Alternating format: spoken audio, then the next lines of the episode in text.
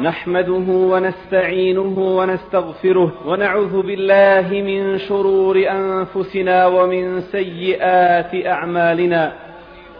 من يهده الله فلا مضل له ومن يضلل فلن تجد له وليا مرشدا.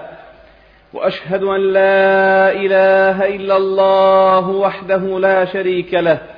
وأشهد أن محمدا عبده وحبيبه ورسوله. أرسله بالحق بشيرا ونذيرا. وقد قال الله سبحانه وتعالى في محكم التنزيل يا أيها الذين آمنوا اتقوا الله حق تقاته ولا تموتن إلا وأنتم مسلمون.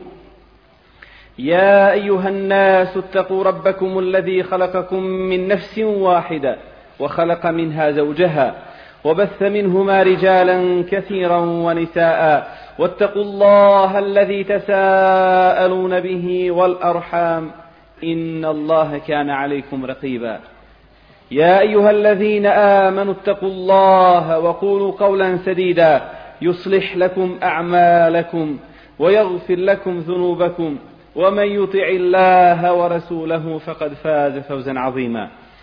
أما بعد فان اصدق الحديث كتاب الله تعالى واحسن الهدي هدي محمد صلى الله عليه وسلم وشر الامور محدثاتها وكل محدثه بدعه وكل بدعه ضلاله وكل ضلاله في النار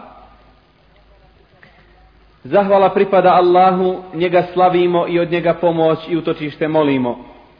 Utječemo se Allahu da nas zaštiti od zla naših duša i naših loših dijela, jer koga Allah uputi na pravi put, nikoga u zabludu ne može odvesti, a koga Allah na stramputici ostavi, nikomu na pravi put ne može ukazati. Svjedočim da nema drugog Boga osim Allaha subhanahu wa ta'ala i da je Muhammed sallallahu alaihi wa sallam njegov robi poslanik.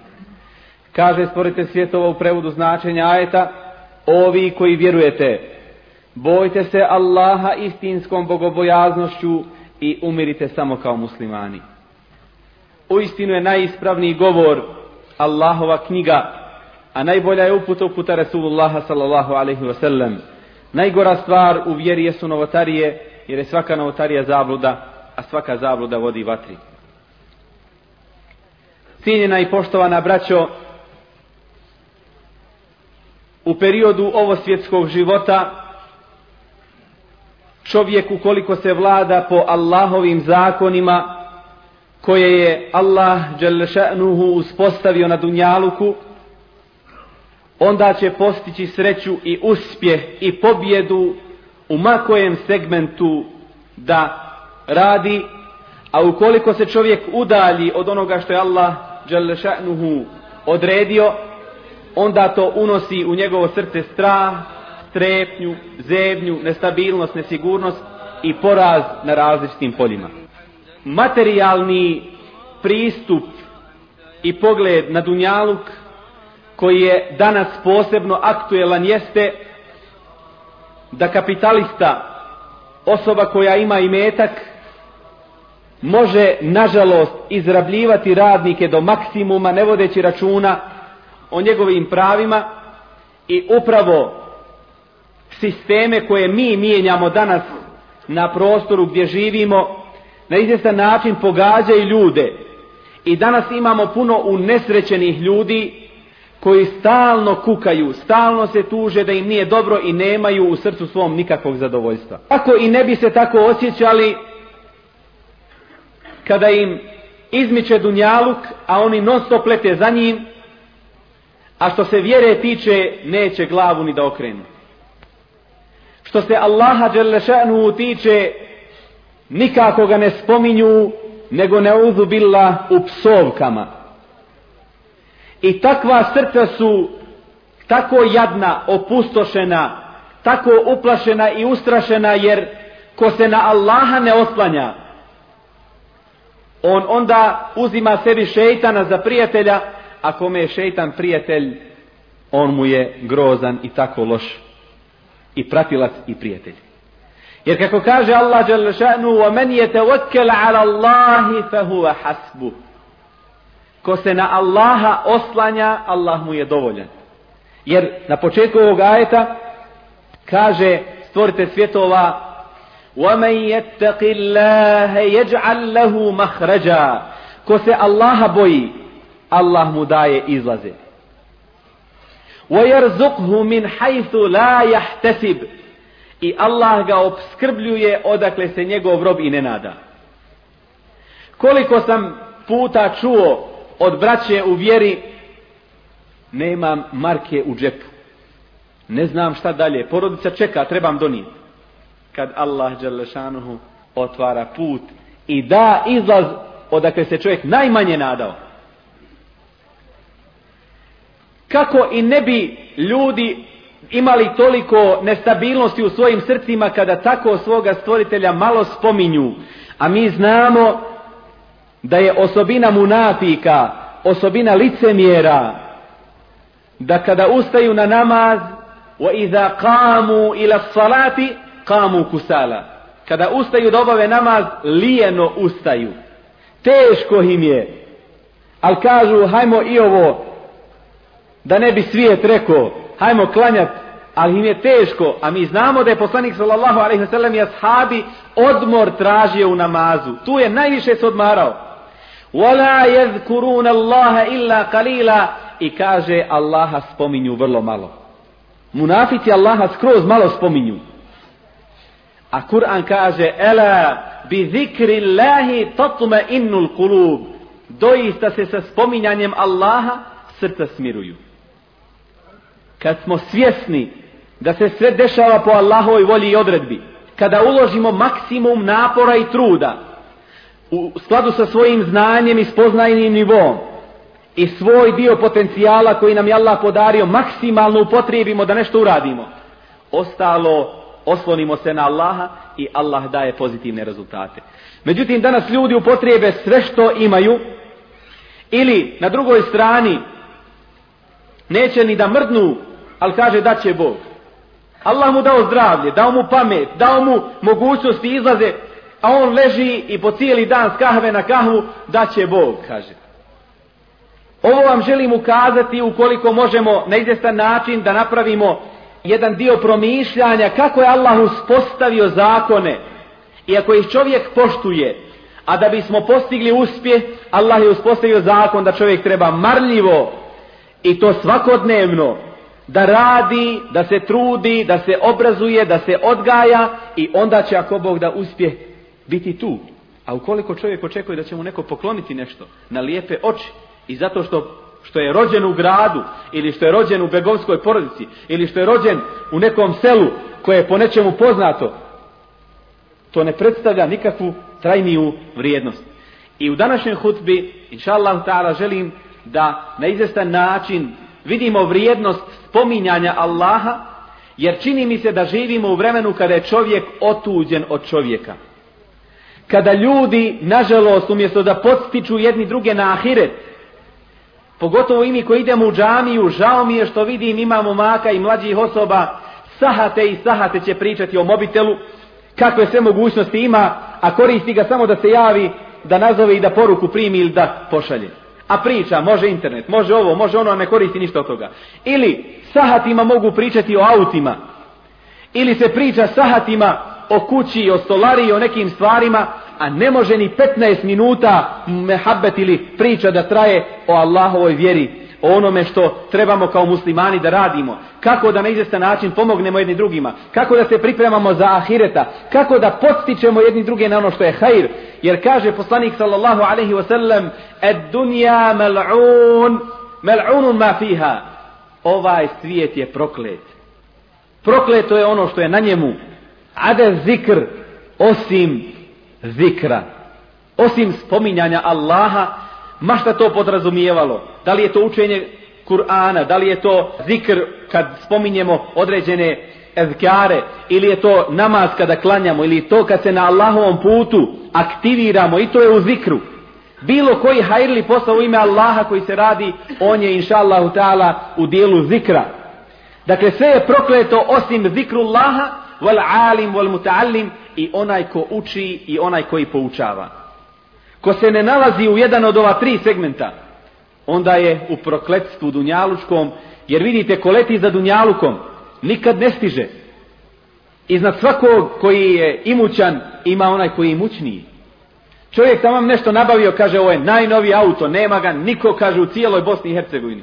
Kad za deset dana, 15 čuo, dotjero neko još nešto novije. Ma izađe vam uvijek to, to teče i traja, šeitan lanetullahi alehi se poigrava sa ljudima. I onda ko leti za tim, poslanik sallallahu alaihi wasallam savjetuje, la tanzuru ila men huwa fauqakum, nemojte gledati one koji su iznad vas. Walakin inzuru ila men huwa asfala minkum, nego gledajte one koji su ispod vas. فهو أجدر أن لا تزدروا نعم الله عليكم jer je to vrednije i to je put da nećete zanijekati Allahove blagodati koje vam je dao Allah ti dao zdravlje a imaš malo na fake pa kaže alhamdulillah kako je onome koji je bez jedne noge ili kako je onome koji nema očiju nikak ili kako je onome koji ima karcinom kako je onome koji šekuje smrt svakog trenutka kako je onome ko večeras nema gdje prenoćiti Elhamdulillah. Ali ne može to čovjek znati niti razmišljati ako ne bude ima onoga ko će ga podsjećati na to. Ako ne bude spominjao Allaha, ako mu ne bude zahvaljivao i veličao ga. Kaže stvorite svjetova fezkuruni ezkurkum voškuruli wala tekfurun. Sjećajte se vi mene i ja ću se vas sjetiti. I zahvaljujte mi i na blagodatima mojim nemojte neblagodarni i nezahvalni biti. U hadisi kudsi koju prenosi poslanik sallallahu alaihi wasallam od Allaha uzvišenog koji kaže Ja sam ene inda vanni abdi bi Ja sam kod mišljenja moga roba o meni I ja sam sa njim kada me spomeni. Allahu ekber. Kad čovjek kaže subhanallah Allah je s tobom Jer ko ne spominje Allaha i Allah njega ne spominje, a koga Allah prepusti samom sebi, taj je sigurno propao. Wala takilni ila nafsi tarfata ayn, molimo u zikru i nemoj me ostaviti ili prepustiti samome sebi nikoliko je treptaj oka. Ni za tren jedan, jer ću biti od oni koji su na gubitku, koji su propali. Ako me spomene u sebi, ako u sebi čovjek zikri, i ja spomenem njega u sebi, Allahu A ako me spomene u društvu, u skupini, ja njega spomenem u društvu boljem od njih. Allah spomene tog groba u društvu Meleka. I Allah uzdiže onda određene svoje robove koji ga iskreno spominju i koji mu iskreno robuju.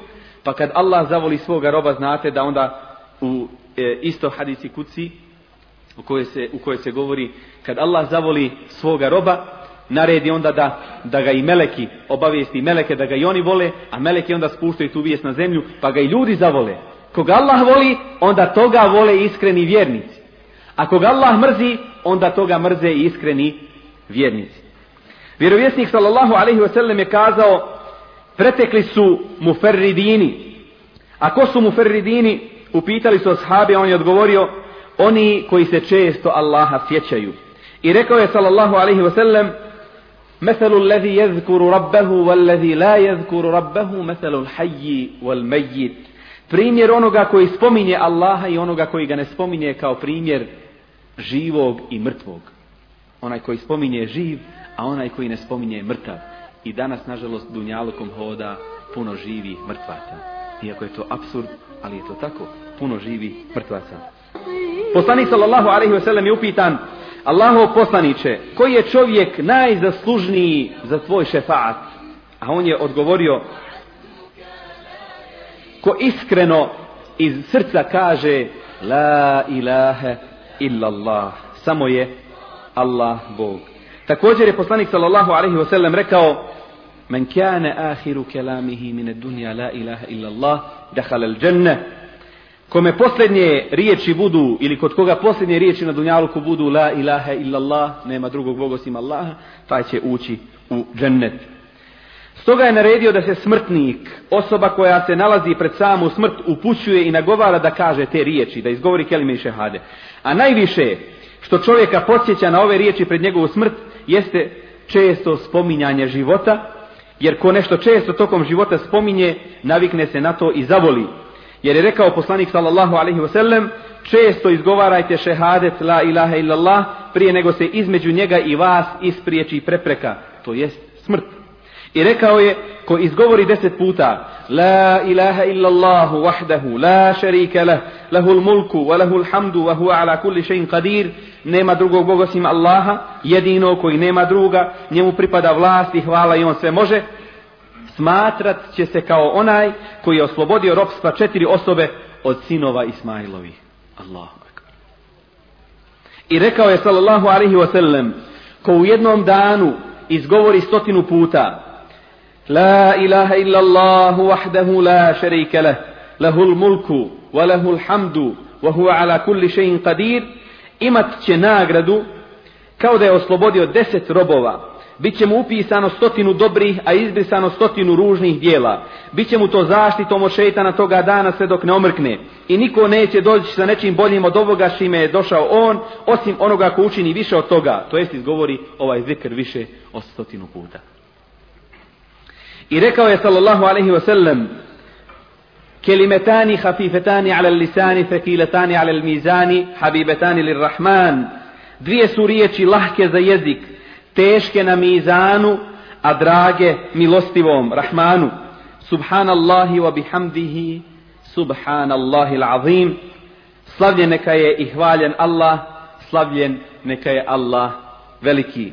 I kazao je, ko izgovori, subhanallahi wa bihamdihi subhanallahi alazim stotinu puta u jednom danu bit će mu oprošteni njegovi grijesi, pa makar ih bilo kao morske pjene. I rekao je da izgovorim Subhanallahi, walhamdulillahi, wa la ilaha illallahu, wallahu akbar. Slavlje neka je Allah i neka je njemu hvala. Nema drugog Boga osim njega. Allah je najveći. Draže mi je nego sve što sunce obasjava. I rekao je poslanik sallallahu alaihi wa sallam, ima li iko među vama da nije u stanju da svakoga dana uradi, uradi hiljadu dobrih dijela. Neko od prisutnih ga je upitao kako će jedan od nas steći hiljadu dobrih dijela, a on je odgovorio izgovorit će subhanallah slavljen neka je Allah stotinu puta i bit će mu upisano kao hiljadu dobrih dijela. Stoga cijenjena braćo, neka se svako od nas boji Allaha i neka čisti svoje srce, jer zikrom, vidite, kad spominjemo Allaha, kao što se na željezu ona hrđa uhvati i vremenom izgriza željezo i uništi ga tako snažno željezo. I grijesi koje čovjek čini na Dunjaluku, njegovo srce napadaju dok ga potpuno ne prekriju i ne nastupi potpuni mrak ili tama. I danas je žalosno što imate ljude, opominješ ga, govoriš mu što je za njegovo dobro, kaže on, pusti ti mene. Neće uopšte da te sluša. Osevaun alejhim. Njima je svejedno enzertehum, opominjo ti njega ili ne pominjo, la ju'minun. On neće da vjeruje. Jednostavno, njegovo srce je potpuno prekriveno grijesima i ne dao Allah da mi budemo jedni od tih. Neka spominjanje uzvišenog Allaha u srcima vašim bude u svim oblicima i kada smo u stojećem položaju i u sjedećem i u ležećem. Ne mora čovjek specijalno, jedan bolesnik me pita, kaže Efendija, ne mogu, pošto sam imao moždani udar, ne mogu, kaže Abdes, uzeti lahko sam, potrebno je da mu pomogne neko da noge opere, mogu li ja, kaže, zikrit bez abdesta? Slobodno, i stojeći, ellezine kurun Allahe qiyamen, oni koji spominju Allaha stojeći, wa qu'uden, sjedeći, wa ala junubihim i na svojim stranama dok leže. Wa yatafakkaruna fi khalqi samawati wal ard i razmišljaju o stvaranju nebesa i zemlje. Ko je dao da oživi sad ova priroda nakon mrtvila zimskog? Ko daje onda da oživi čovjek nakon što umre? Taj isti stvorite svjetova koji nam je sve podario, sve podčinio čovjeku, dao da nama služi, on je taj koji daje i život i smrt i koji nam daje slobodu izbora. I evo vidite cijenjena braćo, da u istinu ko Allaha spominje, ko Allaha veliča, ko Allaha u svom srcu približi da u svakom momentu znaš da je gospodar tvoj s tobom, taj onda neće ako Bog da ni alkohola primirisat, taj ako Bog da neće lagat, taj ako Bog da neće krasti, taj ako Bog da neće sa drogom se družiti, taj se neće sa prostitucijom družiti, taj će biti inša Allahu Teala na putu hajra. Što god smo dalje od zikrullaha, što god čovjek zapostavi spominjanje Allaha, to je onda šeitan njemu bliži, a sa šeitanom su zlodjela. Cijenjena i poštovana braćo, na mnogo mjesta u Kur'an i Kerimu nailazimo u obliku imperativa naredbe da stvorite svjetova poziva vjernike da obavljaju namaz wa aqimu salate wa atu zekate i obavljajte i klanjajte namaz i dajte zekat. Namaz je ibadet tjelesne prirode, a zekat je ibadet materijalne prirode. I islam spaja ono što je pozitivno i dobro za čovječanstvo, ne zanemarujući ni jedan segment. Jer ptici su potrebna dva krila da bi mogla da leti. Ako se jedno slomi, onda sa onim zdravim opet ne može letjeti. Ako muslimani kao zajednica ne budu bili i duhovno i materijalno jaki, onda neće imati jaka i snažna krila da mogu letjeti. Danas, nažalost, muslimani na Dunjaluku posjeduju i metak.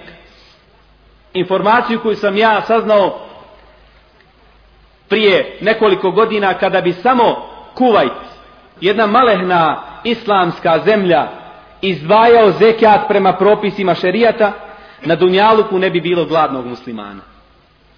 Samo jedna država. Međutim, pogledajte kako nemuslimani, kjafiri, danas pokušavaju da poklope te blagodati koje Allah dao muslimanima, da bi ih za sebe prigrabili. I kako je to veliko iskušenje danas muslimani umiru od gladi u Africi. Danas muslimani pate i krv svoju liju na raznim ratištima. Palestina već pola stoljeća, više od 50 godina, sveta muslimanska zemlja i kuds, svaki dan krvari, a muslimani okolo se vozaju u udobnim autima, lijepim avionima, na luksuznim jahtama, žive u prelijepim vilama, tako mi Allaha svi ćemo odgovarati na sudnjem danu, a posebno oni koji su tu blizu. Jer kako je moguće da tvoj komši ili brat umire od gladi, neprijatelj ga napada, a ja kažem šta mene briga, još nije došao kod mene. Ali dok završi sa njim, eto ga i kod mene. Pa zar nije bilo u toku agresije na Bosnu i Hercegovinu, gori Mostar ili ne znam, gori Bijeljina, Kažu ovi, neće oni na nas. Ma neće ako ne budu mogli. Ako im se ne pruži prilika, inša Allah, ta'ala, neće moći. Onda gdje su muđahidi ustali, nisu ni mogli doći. Ali gdje su i ljudi dočekali sa kahvom za stolom, tu je i krv pala. Tu je i silovana mati ili kćerka bila. Tu je i izbjeglica ili prognanik bio. I žalostno je što muslimani neće da shvate da ih vjera njihova uči da prije svega budu čvrsti u odnosu prema Allahu. Jer bez namaza nema vjere. Salatu imadu din. Namaz je stup vjere. Femen eqameha fekad eqamet din. Ko čuva namaz, taj čuva svoju vjeru. U terekeha fekad hedemet din. A koga napušta, taj ruši svoju vjeru.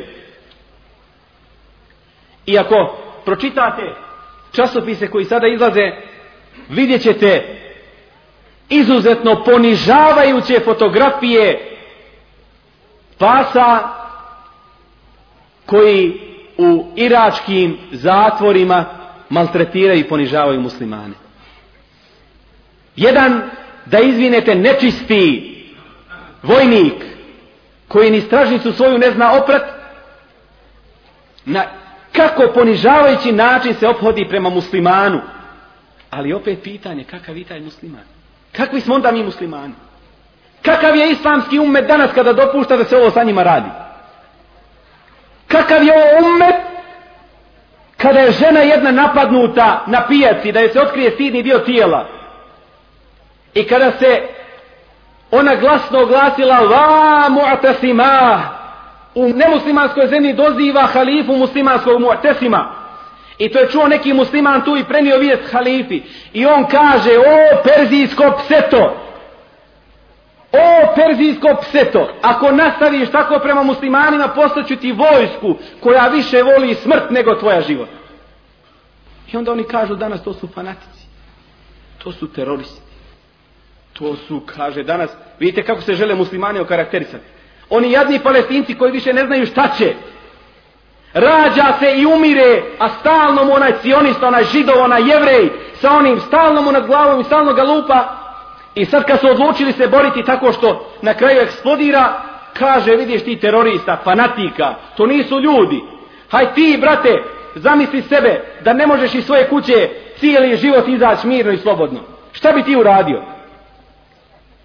To li bi ti razmišljao pa ili ću završiti i dio sa, sa mnom neka ide ili nekog dermana tražiti? Šta je braćo sa islamskim ummetom? Postavimo se u, u poziciji onih koji svakodnevno stradavaju na vijestima, svaki dan čujemo poginulo, srušeno, ubijeno, izmasakrirano, uništeno. Da li mi spominjemo Allaha koliko bismo trebali? Da li radimo za Allahovu vjeru kako bismo trebali? Da li čuvamo granice koje nam je Allah postavi? Da li poštujemo zakone koje nam je Allah dao? Da li idemo u džamiju koliko bismo trebali da idemo? Da li se brinemo o zajednici koliko bismo trebali? Postavimo sebi ova pitanja pa ćete naći jednostavno odgovore. Ja upućujem dovu Allahu uzvišenom da nas pomogne na pravom putu, da ga što više spominjemo. Allahu, gospodaru naš, pomozi nas da ti zahvaljujemo i da ti lijepo ibadet činimo. Gospodaru naš, učini nas u porodicama našim od onih koji te puno spominju, od onih koji iskorištavaju svoje vrijeme za dobra djela, koja trajno ostaju i sačuvaj nas gospodaru naš od gafleta i od zanimanja onim što nas ne približava tebi. Gospodaru naš ne dopusti srcima našim da skrenu kada si nam već na pravi put ukazao i daruj nam svoju milost, ti si uistinu onaj koji mnogo daruje. Oprosti nam i smiluj nam se jer ti uistinu praštaš i samilostan si. Amin.